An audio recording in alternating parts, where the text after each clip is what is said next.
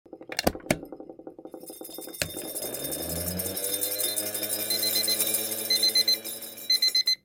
alle sammen, og velkommen til eh, Lapprat. Mitt navn er Chang Yikong, og med meg har jeg Ida Gregersen. og Elisabeth Schrumpf. Og vi sender fra Institutt for indremedisinsk forskning ved Oslo universitetssykehus, Rikshospitalet. Velkommen, Elisabeth. Tusen takk. Og godt nyttår, forresten. Hvis det er lov å si det så seint på Vi kan i hvert fall si til lytterne, da. Ja. Det er jo første episode vi slipper etter nyttår nå. Hvordan har eh, jula vært for eh, dere? Veldig bra.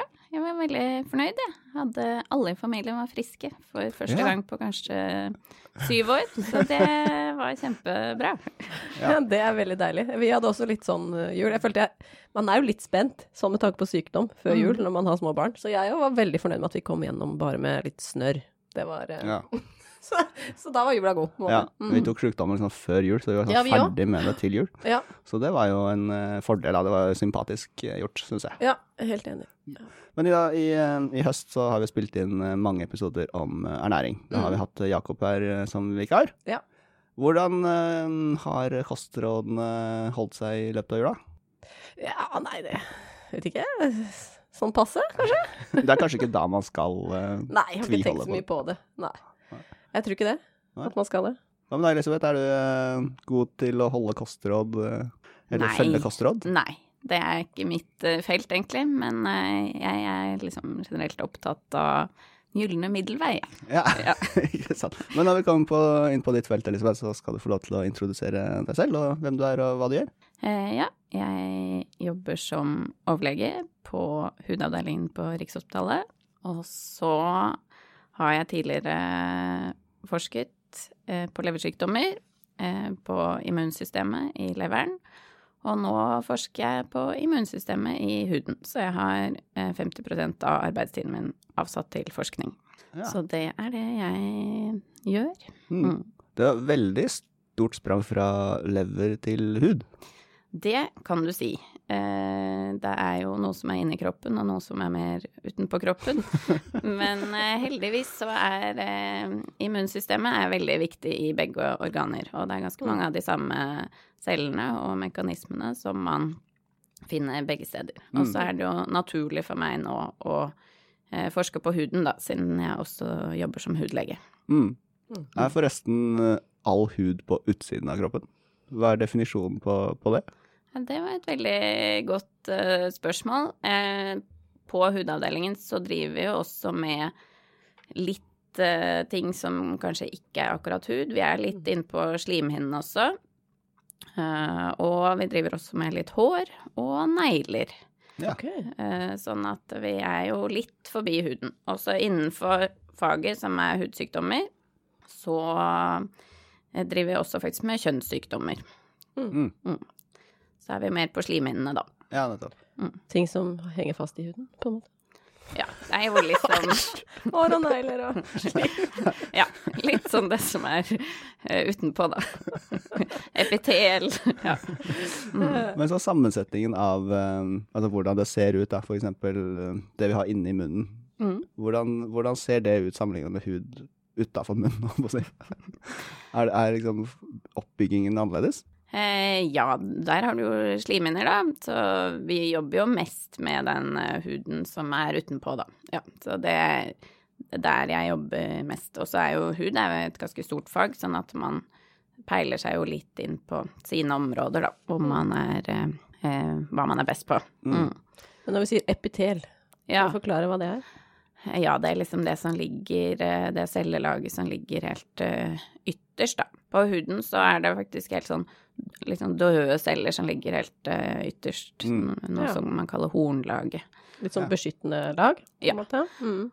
Eh, og det som er med huden, da, er at man sier jo litt sånn klisjéfylt ofte at det er kroppens største organ, Mm. men det er jo et veldig stort eh, immunologisk organ, og det er jo fordi den beskytter Det er jo den første barrieren mot eh, verden rundt, så det er veldig viktig at huden beskytter mot eh, bakterier og virus og alt som kan eh, Ultrafiolett stråling, alt som kan komme utenfra. Mm.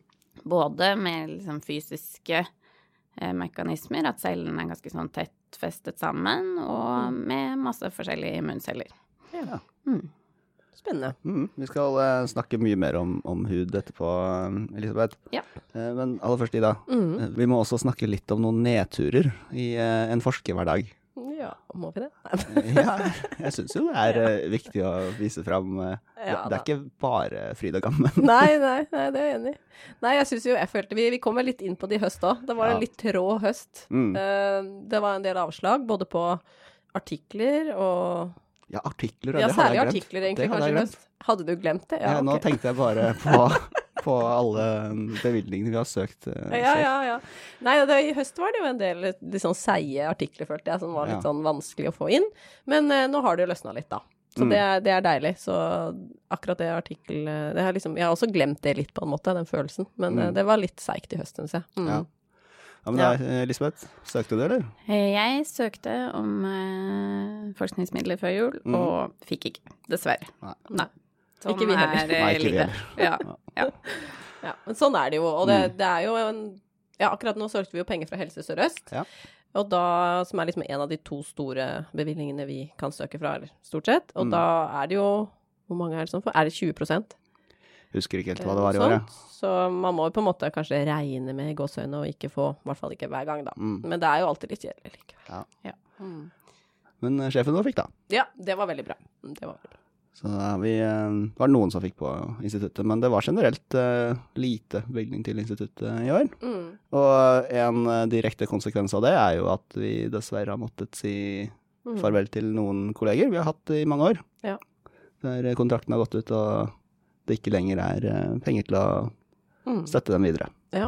Det er eh, veldig trist. Det er, liksom, det er beinhardt. Det er det. Og så får man, eh, særlig på denne søknaden her, da, så får vi jo svar siste uka før jul. Så var det 21. eller 22. eller noe sånt i år. Mm. Ja, det er jo Hvis man da på en måte ikke vet om man har jobb i januar, Mm. det er ganske tøft, altså. Eh, Men skal vi si litt om eh, planene for podden framover? Ja. Det er litt mer lystig, føler jeg. Vi, får, Ja, eh, Vi må fokusere det på det positive. Ja. Ja, eh, absolutt. Nå har vi jo, eh, som du sa, avslutta en ernæringsserie som vi Mhm. hadde i høst. Um, og planen fremover er jo at vi har invitert flere kollegaer fra instituttet, Mm. blant annet da Elisabeth, som er her i dag. Ja. Så det blir veldig spennende. Mm. Um, så utover våren så blir det flere gjester som skal fortelle om sin forskning. Eh, fra forskjellige fagfelt, så, Ja. det, så det blir bra. Uh, og så har vi noen eh, hva skal jeg si, nye samarbeid som kanskje Ja, vi trenger kanskje ikke å avsløre det helt ennå, vi får se hvordan Ja. det går. Um, som også vil bli gjester, da, i vår podkast. Mm. Så vi har jo mye spennende på gang. Ja. Og så kommer jo forhåpentligvis Maria tilbake etter hvert også. Ja. Vet vi når sånn cirka Maria Ja, er estimert tilbake igjen? Jeg tror det er i slutten av april. Slutten av april, Ja. ja. Så vi får med kanskje Maria på de siste episodene Ja. før sommeren. Ja, det syns jeg hun kan få fullt ansvar for. Ja, helt enig. Helt enig. Ja, så det blir jo en del eh, spennende å følge med framover da, i, i podden vår. Men eh, følg oss på sosiale medier, så um, oppdaterer vi der. Ja. Men før vi går på dagens tema, Elisabeth, så er det jo én ting vi også gjorde, du og jeg sammen, før, Ja. eh, før jul, vel? Ja. Da satt jo vi i en komité Ja. som skulle da evaluere en uh, ph.d.-student. Mhm. En midttermevaluering, som vi kaller det. Ja. ja. Uh, det var traumatisk for meg. Ja, dessverre. Men du var kanskje mer vant med det. Det nå gikk bra er jeg for meg. spent. Ja, det pleier jo å gå ganske rolig for seg. Ja da, men vi kan jo starte med å forklare hva en midttermevaluering er for noe. Uh, ja. Da er det jo en ordning som er innført de siste årene, hvor man eh, Hvis man tar en ph.d., så skal man vurderes underveis, rett og slett for at man skal vite at eh, den kandidaten er i en sånn OK progresjon.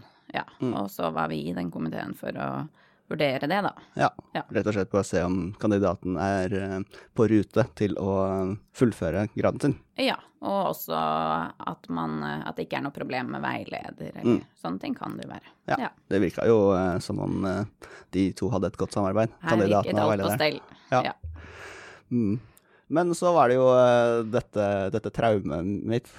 For uh, dette var jo en student som jobbet med hudsykdommer. Mm. Oh, ja. Og, ja, og jeg, eh, jeg driver jo ikke med det. Uh, Men jeg, jeg kan jo en del av disse metodene man bruker på laben etterpå. Mm.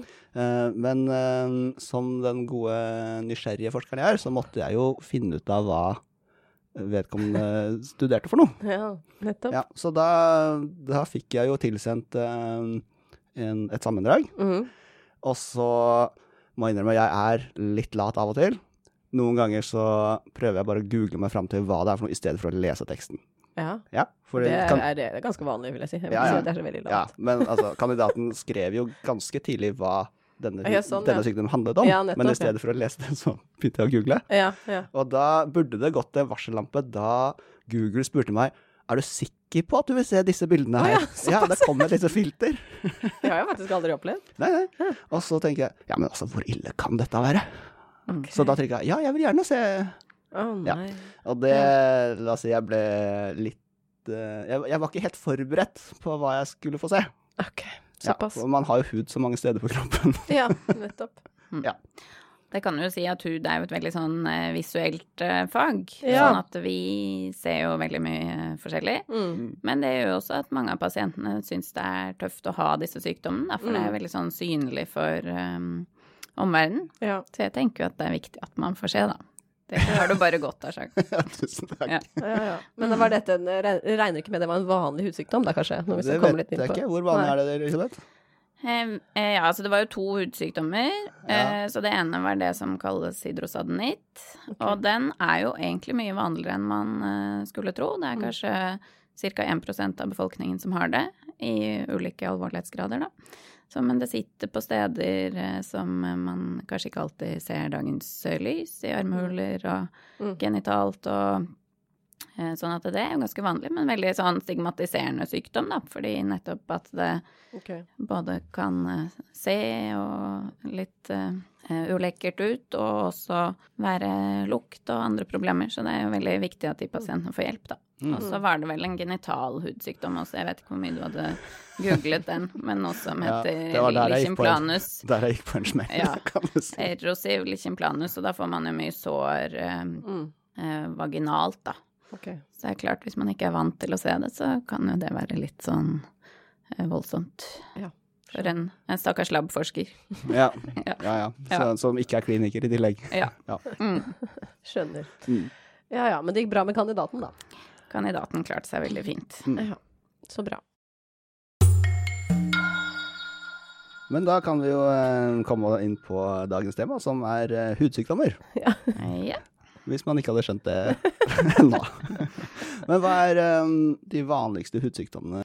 Nei, eh, det vanligste er jo kanskje, som mange vet om, er jo sånn som psoriasis, eksem, eh, Mm. kviser, eh, noe som heter rosacea, Mm. eh, noe annet som heter eh, perioral dermatitt, en del sånne ting Mm. hvor på en måte som er plager veldig mange har, da. Ja, for utenom disse, så må jeg innrømme at jeg kan ikke komme på noen andre jeg har hørt om. Nei, hudkreft kanskje. ja. Det er også ja. veldig vanlig. Mm. Ja. Ulike former for hudkreft. Altså, kreft skjønner man jo på en måte er en sykdom, men hva, liksom, når blir et hudproblem en sykdom? Det er jo litt sånn Nei, og det er jo kanskje litt sånn vanskelig å si, fordi nesten alle har jo en eller annen sånn uh, hudplage fra tid til annen, men, Mm. Men eh, så lenge du har noe eksem eller psoriasis eller kviser, så kan du egentlig kalle det en sykdom. Men Mm. sånn som kviser er jo ja, er det 85 av all ungdom som får det mm, i løpet av ungdomstiden, da. mm. Men uh, der er det jo viktig også å gi behandling, i hvert fall til de som får dem uttalt, da. Ja. Mm. ja, så kviser regnes også som en sykdom, egentlig. Hvis, Ja, egentlig, i hvert fall hvis det Er et, på en måte et problem. Ja. Ja. Mm. Så det er jo mange som eh, tenker at hudsykdommer ikke er så sånn veldig alvorlig, men det kan være, ofte være veldig plagsomt for folk, da. Mm. Mm.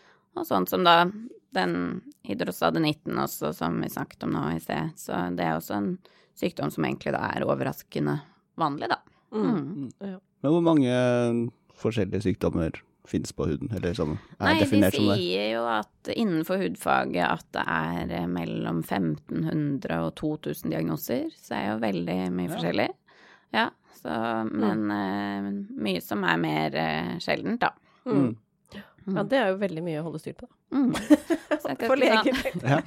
ja, men det er ganske sånn der diagnostisk fag, egentlig, da. Ja. På Rikshospitalet hvor jeg jobber, Mm. så er det veldig mange hvor vi får inn pasienter hvor vi skal liksom finne ut av hva pasientene har, da. Mm. Ja, nettopp. på Rikshospitalet, hva slags type pasienter er det som kommer dit? Det er jo gjerne de som har eh, gjerne de vanlige hudsykdommene i en veldig sånn alvorlig grad, altså alvorlig psoriasis eller alvorlig eksem Mm. eller alvorlig hydrosadenitt. Eh, og så har vi som sagt mange pasienter hvor det er sånn at de kanskje har vært flere andre steder, og så har man ikke funnet helt ut av hva de har, Ja. Mm. og at de har mer eh, sjeldne hudsykdommer. Mm. Og så har vi ganske mye hudkreft som vi opererer selv, og det er egentlig mye av det jeg driver med nå. Okay. Eh, og så har vi en del sånne for eksempel karnøster i huden, at man kan ha det man kaller karmalformasjoner, eh, som vi kan behandle med laser. Er det sånn åreknuteting? Eh, nei, eh, det er eh, Man kan ha av og til litt sånn overvekst av forskjellige typer blodårer i huden.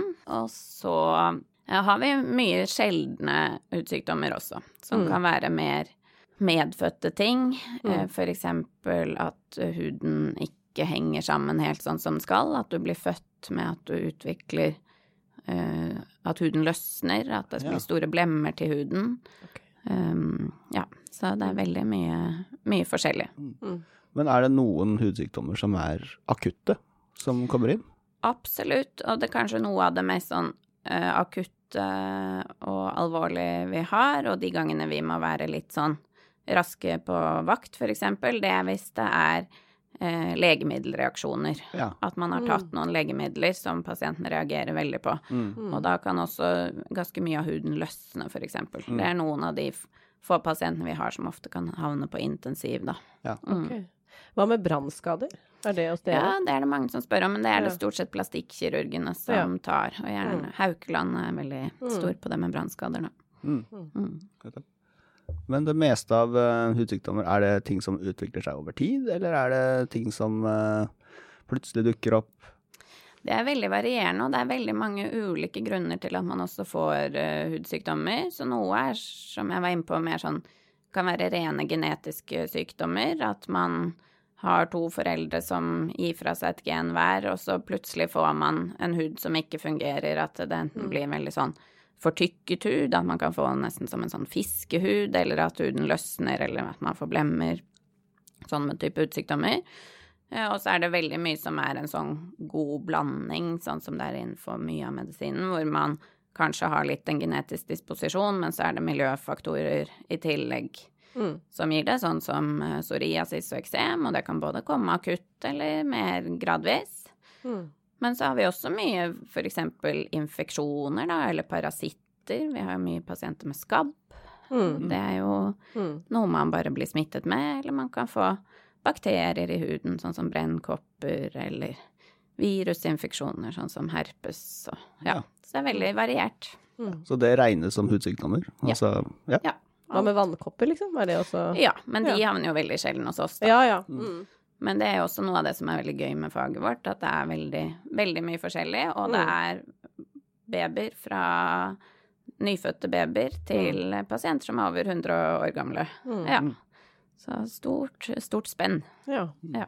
Så når du sier det er jo et bredt spenn både i sykdommer egentlig, og i alder og pasienter og alt, så er det vel også ganske bredt spekter i alvorlighetsgrad, regner jeg med? Ja, så Ja. mye er jo kanskje mer som lette plagger, og så er Mm. det jo noen få sykdommer vi har som, som kan være dødelige, og det er jo, Mm. som jeg var inne på det med hvis man har tatt noe medisiner som gjør at uh, kroppen reagerer på det, og man Mm. får sånne alvorlige legemiddelreaksjoner, eller Og så har vi også det som Altså forskjellige typer hudkreft, eksempel det som heter melanom, da, som er det Mm. mange kan, kaller føflekkreft, det kan jo være dødelig.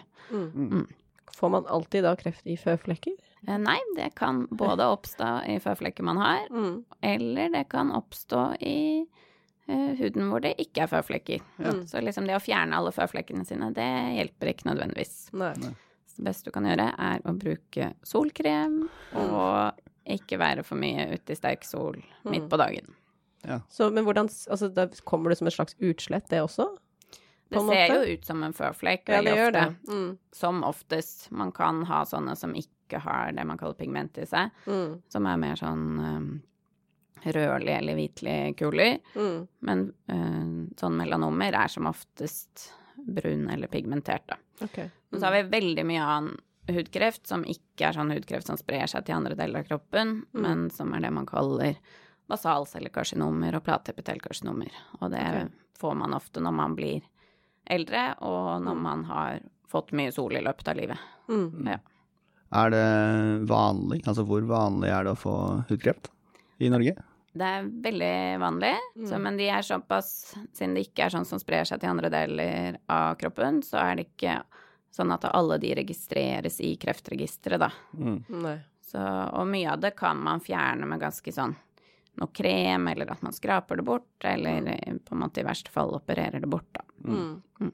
Så det, og det er ofte eldre Det er ofte eldre, ja. Mm, Av og til yngre, så vi har jo noen av de òg. Men eh, folk har gjerne litt andre solvaner i dag, sånn at um, Mm. For en del år siden så la folk seg ned med olje fra topp til tå, og Hadde solarium hjemme og ja, ja så, og det er jo mange av de pasientene vi ser nå, da. Ja, nettopp. Men siden ikke det kan spre seg, kan det da ikke være dødelig eller farlig, eller? Det kan spre seg i veldig sjeldne tilfeller, og så kan det også vokse seg stort. Så hvis du får det på nesen f.eks., så kan du jo spise opp store deler av nesen din, da. Så Ja. du vil jo gjerne fjerne det. Ja, nettopp. Så det, hvis dere ser meg rundt i grønne klær på mandagene, så er det det jeg holder på med, da. Ja, Opererer bort det. Ja. Mm. Forresten så fortalte svogeren min en gang at han eh, var på rundreise i Italia, tror jeg det var. Og så satte han på med en sånn snål eh, taxisjåfør som mente at han det beste mot uh, sol, det var å smøre seg med cola. Oi!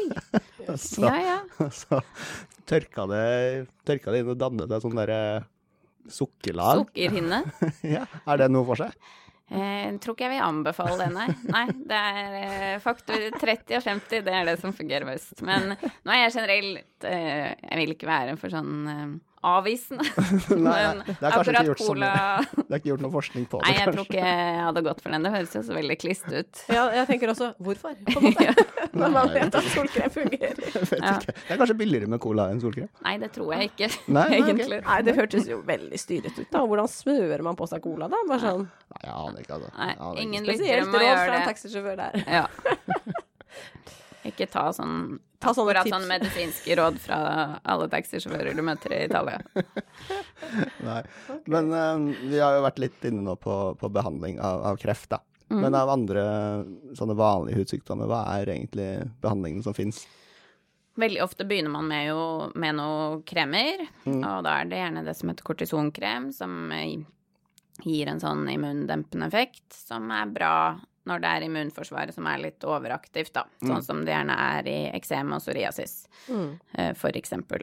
Eh, Men det som er veldig gøy innenfor vårt fag, er jo at de siste, la meg si, 20-30 årene så har det kommet utrolig mye nye spennende medikamenter som hjelper veldig godt på en del av disse sykdommene. Og særlig innenfor psoriasisbehandling så har det vært en hel sånn eksplosjon av nye medikamenter. Ok.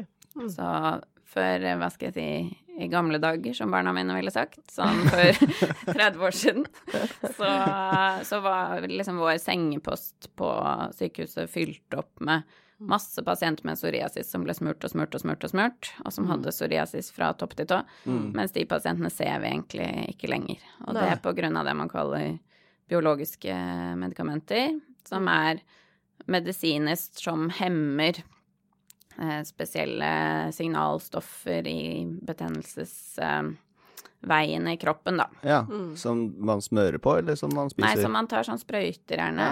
Så det er noe som heter TNF-hemmere, og så er det noe som forskjellige varianter som hemmer og ulike typer det man kaller interleukiner. Ja. Så man har uh, interleukin 17-hemmere og interleukin 23-hemmere.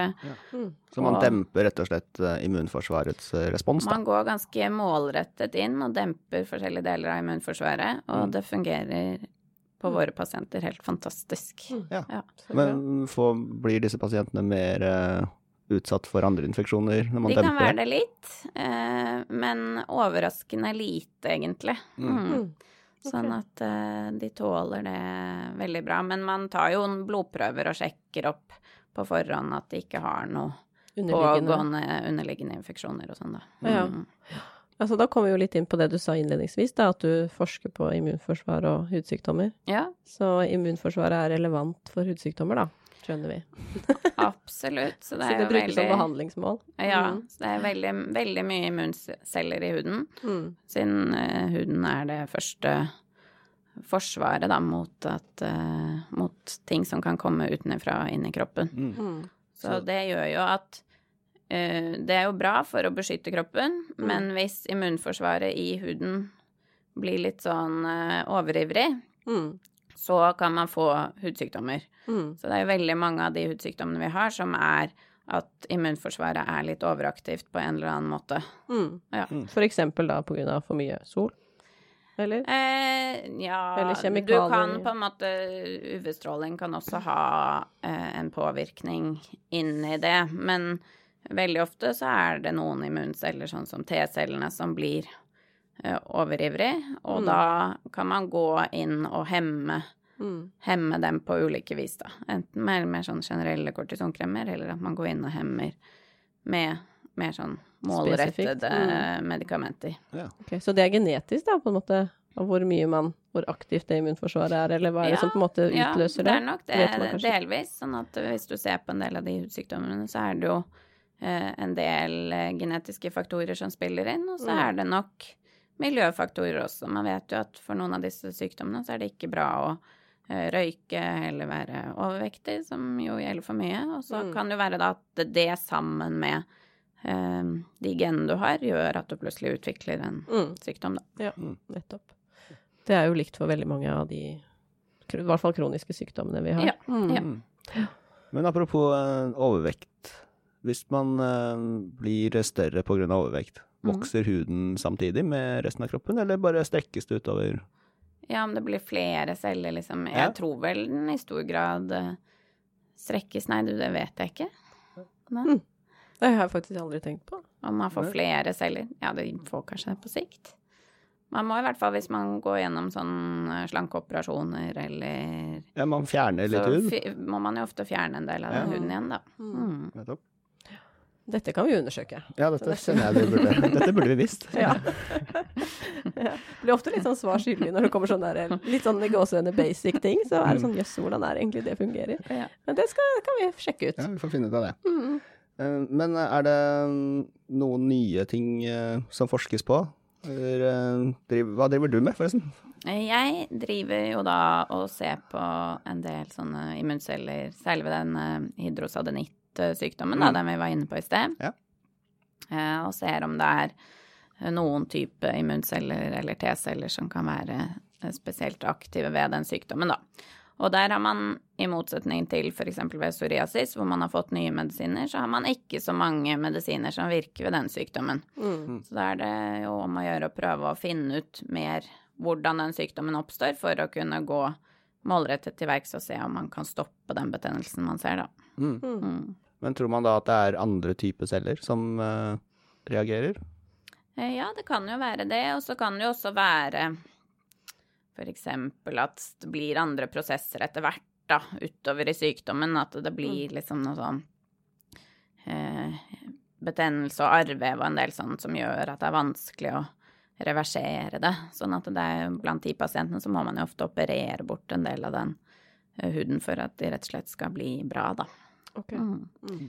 Nei, så der er jo kanskje andre mekanismer innenfor den sykdommen som gjør at, um, at man ikke har klart å liksom stoppe, stoppe de betennelsesreaksjonene der. Mm. Mm. Så da må man forske. Ja. Finne ut av det. Ja. Men er det stort forskningsfelt, eh, hud? Hud er jo um, For det, det er veldig mange sykdommer som vi har hørt, det er mange, men mange av de er sjeldne. Ja, så veldig mange av de sjeldne sykdommene vet man jo heller ikke så mye om, Nei. rett og slett, Mm. av de mest sjeldne. Som jo kanskje er, det er jo et problem, da, for å Mm. kunne lage god behandling. Ja, og så er det noen sykdommer som det har vært populært å forske på, sånn som psoriasis og eksem. Der Mm. vet man jo etter hvert Mm. mye, og der har det jo da også etter hvert kommet mer målrettede medisiner. Mm. Eh, mens eh, andre sykdommer eh, har ikke vært så populære, sånn som den hydrosadenitt-sykdommen. Mm. Men eh, når det er sagt, så begynner det å skje veldig mye forskning på det feltet også. Ja. Men det er alltid vanskelig med sjeldne sykdommer, for det er vanskelig å samle nok eh, pasienter til å gjøre store studier og sånn, da. Mm. Mm. Mm. Og hvordan gjør du det, da? Får nok pasienter? Ja, nei, jeg har jo gode kontakter inne i avdelingen, da. Ja. Sånn at, um, og fordelen med hud er jo at det er ganske tilgjengelig, da. Mm. Huden er utenpå, så det er ikke så vanskelig å få prøver fra huden. Nei. Før holdt jeg på med galleganger, det er veldig vanskelig å få prøver fra gallegangene. Så, så hud er sånn sett mye lettere. Ja. Ja. ja. Så du får pasienter rekruttert fra Rikshospitalet? Ja. Ja. Mm. Og kanskje hvis de er til operasjon, da, så er det ikke så Nei. Hvis man uansett skal operere bort noe hud, så kanskje folk er villige til at noe av den ekstra huden går til forskning, da. Mm. Så det er kjempebra. Og veldig viktig for oss. Mm. Ja, hvordan studerer du da den huden du får? Da løser jeg den opp med forskjellige enzymer, Mm. og så eh, ser jeg på de cellene, særlig immuncellene som jeg er opptatt av, da, med Mm. eksempel eh, flow-cytometri, Mm. som er sånn hvor du kan se på ulike markere, markører på cellene, da. Ja. Mm. Mm. Det er en sånn sorteringsmaskin, tenker jeg det som. At man ja. merker de med forskjellige ting, og så sier man ja, dette er en eh, Mm. makrofag, dette er en T-celle, dette er hud, eller ja. Ja. Ja. Så kan du f.eks. se om det er mer av de ulike immuncellene i én prøve Ja. versus en annen, eller en frisk. Har, du har du kanskje noen friske Eh, Noe friskt eh, hud også? Ja, man Ja. kan få tilgang til det. Ja. Mm.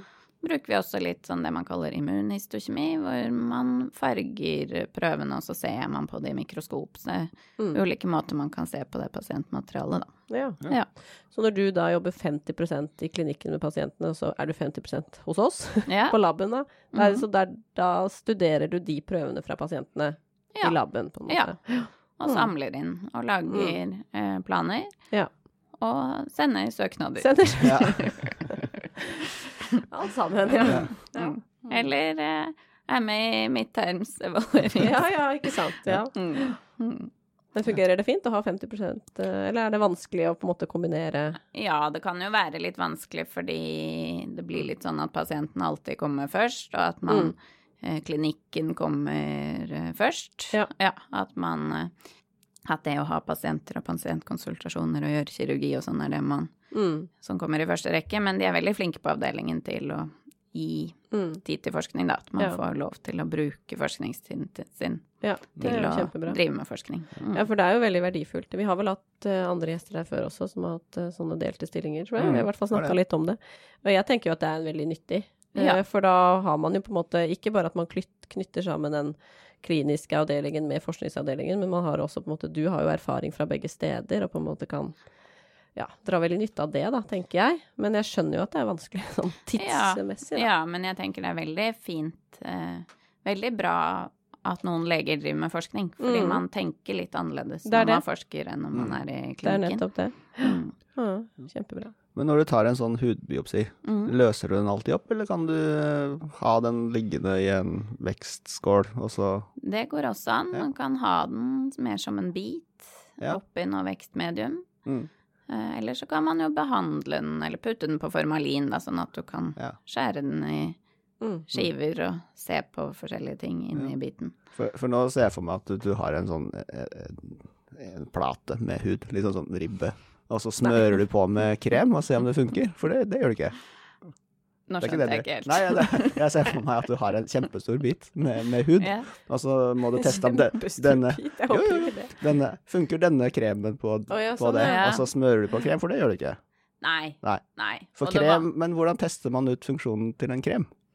Det må man vel gjøre Nei, på en det gjør man jo kanskje mer eh, uten at huden er tatt av, da. Ja, ikke Ja. sant. At man gjør sånne studier hvor eh, halvparten av pasientene får en krem, og så får halvparten en krem som bare er sånn juksekrem, og så Ja. ser man om eh, den ene halvparten blir bedre enn den andre. Ja, Ja. Jeg skjønner jo hva du mener. Man må jo kanskje ha testa det på ja noen dyr først. Eller, på, eller ingrediensene må man teste på celler, kanskje. Ja, Jeg vet ikke.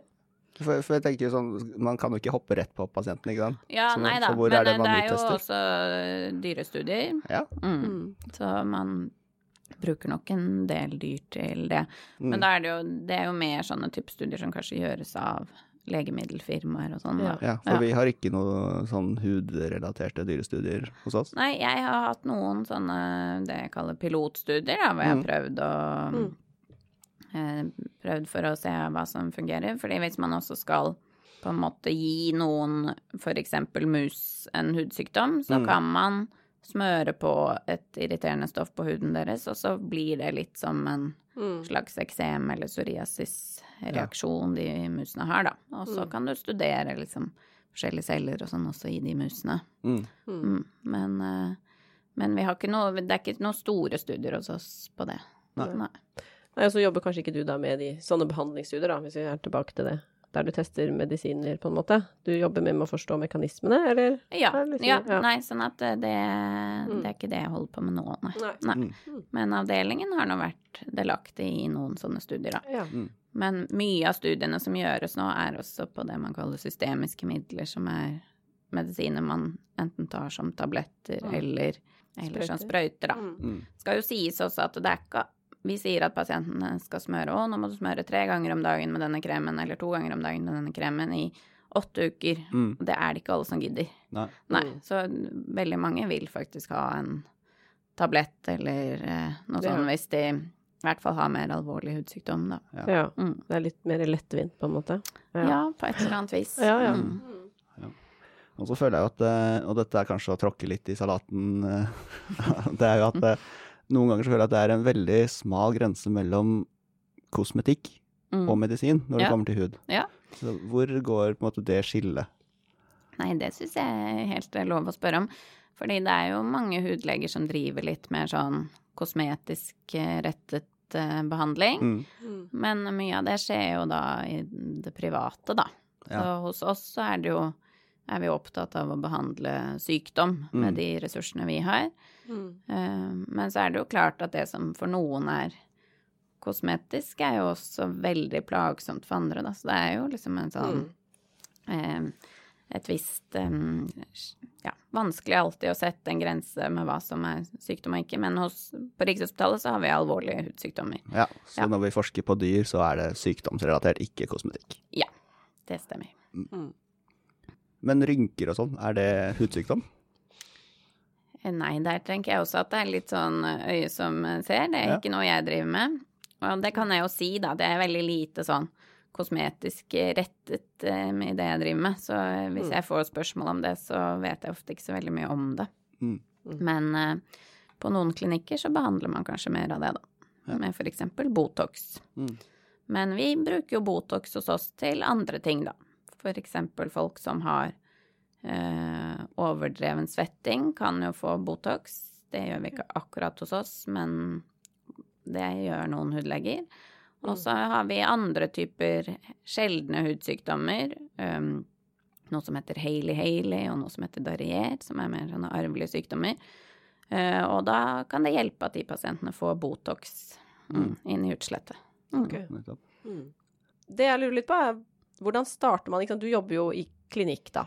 Eh, altså hvordan på en måte oppstår et forskningsprosjekt? Eh, er det noen som får en idé, og så spør de vil du være med? Eller hvordan, hvordan begynner det? Ja, det tenker jeg jo er Fordelen når man jobber som lege, er jo at man kan se litt hvilke problemer som faktisk er blant Ja. pasientene. Mm. Så sånn sett så kan man jo finne noe man lurer på, eller at man ser at det er et behov blant pasienter. Mm. Og da kan man jo prøve å starte en studie, da, som enten er mer sånn pasientrettet, eller at det er mer eh, basale mekanismer man lurer på. Mm. Men så kan det jo også være litt sånn som det var for min del, at jeg har bakgrunn fra et annet felt, og hvor jeg ser at det er noen immunceller som er viktige i noen organer, og så begynner jeg å lure på om de kan være viktige i hudsykdom Ja. også. Mm. At det blir litt mer sånn min kompetanse som Mm. er grunnlaget da, for at jeg ønsker å ta det videre i et annet uh, Mm. organ. Mm. Og da er det jo å, søke om eh, både penger, og hvis du har, bruker pasientmateriale, søke om lov til å gjøre det. Mm. Og så samle inn og gjøre forskningen videre, da. Men har dere noen biobanker som dere samler inn til sånn jevnlig på avdelingen, Ja, ja. Så på vår avdeling så har vi en biobank sammen med rauma- og infeksjonsavdelingen, da. Ok. Mm. Ja. Og det er holdt på å si gåsehøyne alle pasienter, eller er det litt sånn spesifikke Nei, det er mer grupper? sånn hos oss mer sånn prosjektbasert, da. Ja. At hvis Mm. du har et prosjekt, så samler du inn til det prosjektet i biobanken. Ja. Mm. Så andre kan også søke om tillatelse til å bruke f.eks. prøver du samler inn, eller? Ja. Så start på dine prosjekt var rett og slett at du så et behov i, hos pasientene som kom til deg. At uh, mange har denne sykdommen, og vi vet ikke så mye om det. Ja. Du har en sykdom som du ikke vet så mye om, og når det er en sykdom du ikke vet så mye om, så er det vanskelig å lage eller tilpasse god Mm. behandling hvis du ikke egentlig vet Mm. hvilke celler som bidrar inn i den sykdommen. Ja. Så en kombinasjon av det, pluss at jeg da har um, lært ting om noen typer celler fra tidligere forskning i andre organer. Mm. Og så kombinere de to Mm. tingene, da. Jeg tenker det må jo være veldig givende, for det savner jo jeg litt noen ganger, å se på en måte pasienter. Altså ikke det at jeg skulle jobba med pasienter, for det tror jeg ikke jeg burde. Men liksom vi ser jo veldig sjelden endeproduktet, da, kan man Mm. hvis man kan si det. Eller vi ser veldig sjelden behovet sånn med egne øyne. Ja. Uh, og det er jo litt fint å på en måte se de du prøver å hjelpe. Ja, og i hvert fall at man uh, Ja, at prosjektet er noe som gir mening, da. Ja, Mm. Ja. ja. At ikke At det kan få en konsekvens. Ja, nettopp. Liksom at det kan ha en direkte klinisk eh, på en måte, virkning. Og kanskje ikke så langt fram i tid, eh, nødvendigvis. Da. Nei. Mm. Men uh, er dere klare for en eureka? Ja, jeg er alltid glad for Eureka. Ja, jeg tenkte jeg skulle prøve, prøve meg igjen, da. Ja. Mm -hmm. I Marias fravær. Og, ta, og dra en eureka denne, denne gangen. Og um, denne gangen så skal jeg starte med å fortelle en liten uh, historie fra, fra min egen julefeiring. OK. Ja, Mhm. og så kommer jeg til å trenge litt hjelp av Elisabeth, så jeg har juksa litt grann, eh, denne gangen. For um, vi, um, hjemme hos meg så pleier vi å ha en liten sånn førjulsfeiring med svigerfar, Mm. også mine svigerinner og deres eh, familie. Mm. Eh, møtes vi da før jul til en sånn liten førjulsmiddag, mm. og så deles det ut gaver, da. Ja. Eh, spesielt eh, mellom barna. Ja. Og så var det da midt i en sånn presangutdelingsperiode. Og det vet jo dere som også har små barn, at det blir jo fullstendig kaos Ja. når små barn skal åpne pakker Ja. og leke med ting, og ikke krangle eller ødelegge. Og alt skal jo skje nå med en gang. Ja. Ja. Så jeg satt der på gulvet og prøvde å organisere gavepakkingen, utpakkingen, så godt jeg kunne. Ja. Så jeg var veldig opptatt med det. Ja. Men så hører jeg liksom et lite bøss over liksom eh, bakgrunnsstøyen. Okay. At eh, niesa mi, som er eh, tenåring, Ja. eh, videregående skole, Ja. Mhm. hun åpner sin pakke fra sin bestefar, da. Okay. Og det utbrytes. Tusen takk, bestefar, du har gitt meg snegleserum! ja, Og da, da er det som om roen senker seg, ikke sant? Jeg er pl plutselig på alerten på snegleserum. Hva er det? Fordi eh, serum for oss er jo den væska som blodcellene lever i. Ja, Det er jo serum for oss. Ja. Og jeg er jo mest vant til å drive med museserum. Ja. Og fra én mus så pleier jeg å få ut kanskje, hvis jeg, når vi skal avlive musa, og tømme musa for blod, så får jeg kanskje ut én milliliter serum. Det er fra én mus. Jeg liker koblingen til serum. og så har jo da hun fått 100 milliliter Snegl. snegleserum. Altså, hvor mange snegler er det du har tappa, da? Ja. Ja. Og så fikk jeg jo Alt dette tenkte du der du satt på gulvet? ja, ja det, det var det første jeg tenkte. Og da, da, da fikk jeg jo heldigvis en, en innføring Ja. av niesa mi om hva dette var for noe. Det er jo tydeligvis noe man skal smøre på fjeset sitt for å få blank og fin hud. Mhm. Ja. Eh, Altså, jeg er egentlig mest interessert i var det bestefar som fant på å gi snegleserum. Jeg regner med det var en ønskeliste jeg tror det var en ønskeliste involvert, ja. Ja, ja, ja. Veldig bra, veldig bra gjort uansett, da. ja, ja. Men altså, 100 milliliter snegleserum. Ja, uansett. Jeg tror ikke det er sånn serie som du tenker på. Nei, det var ikke det. det, var ikke det. For da jeg googla det, så dukka det opp veldig mange andre navn. Det var jo også snegleessens, snegleekstrakt, Ja. eh, sneglesaft, sneglejus. Men det der er jo slim, skjønner jeg. At det er, det er et sekrete fra snegle, Ja. som eh, er da snegleserum, da, som de kaller det. Ja. Eh, og så var det jo Ja, det var så gøy. Det var jo også Dette er en blanding av fem snegler, eller noe sånt. Nei. Fem, fem ulike arter snegler som har bidratt til denne flaska med serum. Mhm. Ja. Men eh, har det noe for seg liksom å smøre huden med snegleslim? Ja, altså serum er vel mer sånn derre um, fint ord for en slags sånn krem-gelé. Ja. Ja, jeg tror det kan man jo få uavhengig av snegler, da. Ja. Ja. Det er på en måte et kosmetisk eh, Et kosmetisk produkt. produkt. ja ok. Ja. Og så eh, Jeg er jo ikke så veldig sånn kosmetisk rettet i det jeg driver med, så jeg kan egentlig ikke så fryktelig mye om uh, snegleslim. Mhm. Men, Men du har hørt om det? eh, Jeg har hørt om det, og det er nok uh, Jeg har forstått det som en trend som kommer liksom fra Sør-Korea eller noe sånt. Okay. Ja, og ganske stort innenfor kosmetiske produkter, da. Mhm. Eh, og egentlig en ganske svær industri, har jeg forstått. Og Ja. de har masse eh, snegler som går rundt på noen forskjellige sånne nett, hvor de samler sammen det slimet fra sneglene, da. Er det, vet du om det er sånne snegler med hus eller uten hus? Jeg tror det er alle mulige snegler. Ah, ja. Brunsnegler, liksom? Fy fader. Bare Kanskje- plukke opp en sånn i hagen og så bare gni den i La den gå en runde i fjeset? Nei, Nei, æsj, det men, syns jeg er eh, ekkelt. men det jeg tror Nå tror jeg liksom industrien er veldig mye større enn egentlig forskningen som ligger bak, da. Mm, men jeg ja. tror det er ganske mye man ikke vet. Og det som er med disse sneglene, da, og det slimet som er hos sneglene, er at det har jo en sånn um, Både en eh, litt sånn antimikrobiell effekt, det er med på å beskytte sneglene Ja. mot eh, Altså en slags del av deres immunforsvar. Ja. Mm. Eh, og så har det jo en sånn hydrerende effekt, altså det hjelper å holde sneglene fuktige. Fuktige, liksom? Ja.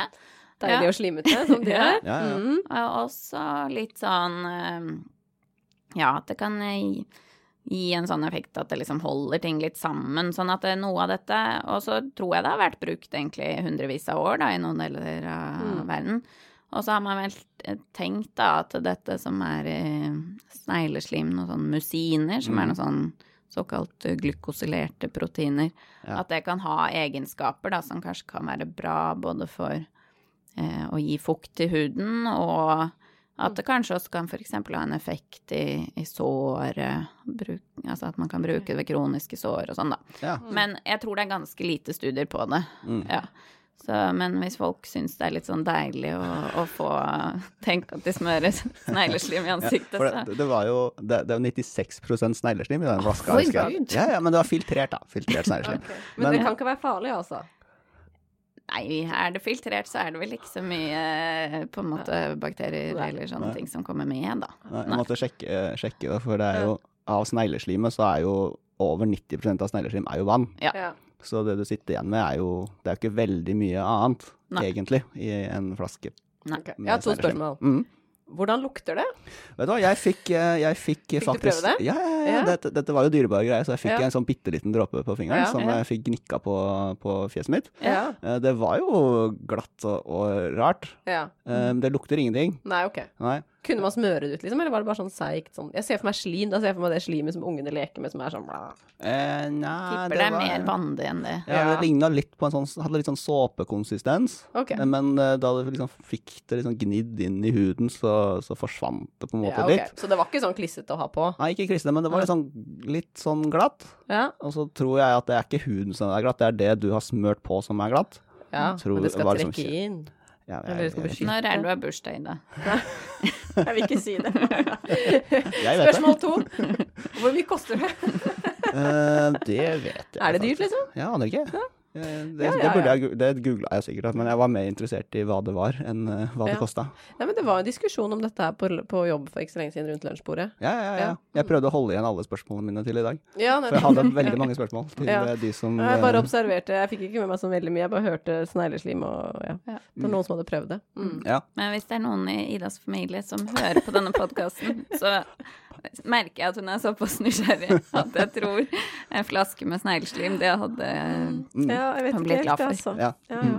Jo da, det, jeg er åpen for å prøve det. Men jeg kjenner at det er ikke sånn Det må jeg ha nå. Ja ja, Ja. veldig bra. Mm. Det var din juleevrekk, Sjang. Det var min juleøyrekka. Jeg fant ut for det første at uh, snegleserum er ikke den væska snegleblod har uh, bodd i. Det er sekret av snegle, og at uh, det går an å smøre det på huden. Ja, og at det er en trend, visstnok, blant Ja. eh, tenåringsjenter. Mm. Men eh, da er vi kanskje ved veis ende for denne gang. Ja. Tusen takk for at du har vært hos oss i dag, Elisabeth, og mm. brukt tid eh, sammen med oss. Tusen takk for at jeg fikk komme. Det Det var var veldig gøy. veldig hyggelig og spennende å høre om. Kanskje du vil komme tilbake på et senere tidspunkt og fortelle om noen eh, forskningsresultater? Jeg kommer igjen. Så bra. Men før vi går i dag, må vi kanskje minne våre lyttere om at dere må følge oss. Ja, følg oss på Instagram og Facebook, og der vil vi også legge ut informasjon om eh, ja, fremtidige episoder og planer vi har. Ja, Mm. det er noen sånne kunstige greier som kommer uh, snart, tror jeg. Ja, det kan være det. Ja. Kunstige greier. Det var litt mystisk, da, men uh, ok. Ja. Da kan folk lure på hva det er. Cliffhanger kaller du det. ok, men vi får uh, komme oss på laben, og Ja. så høres vi. Det skal vi. Ha det, ha det. Ha det.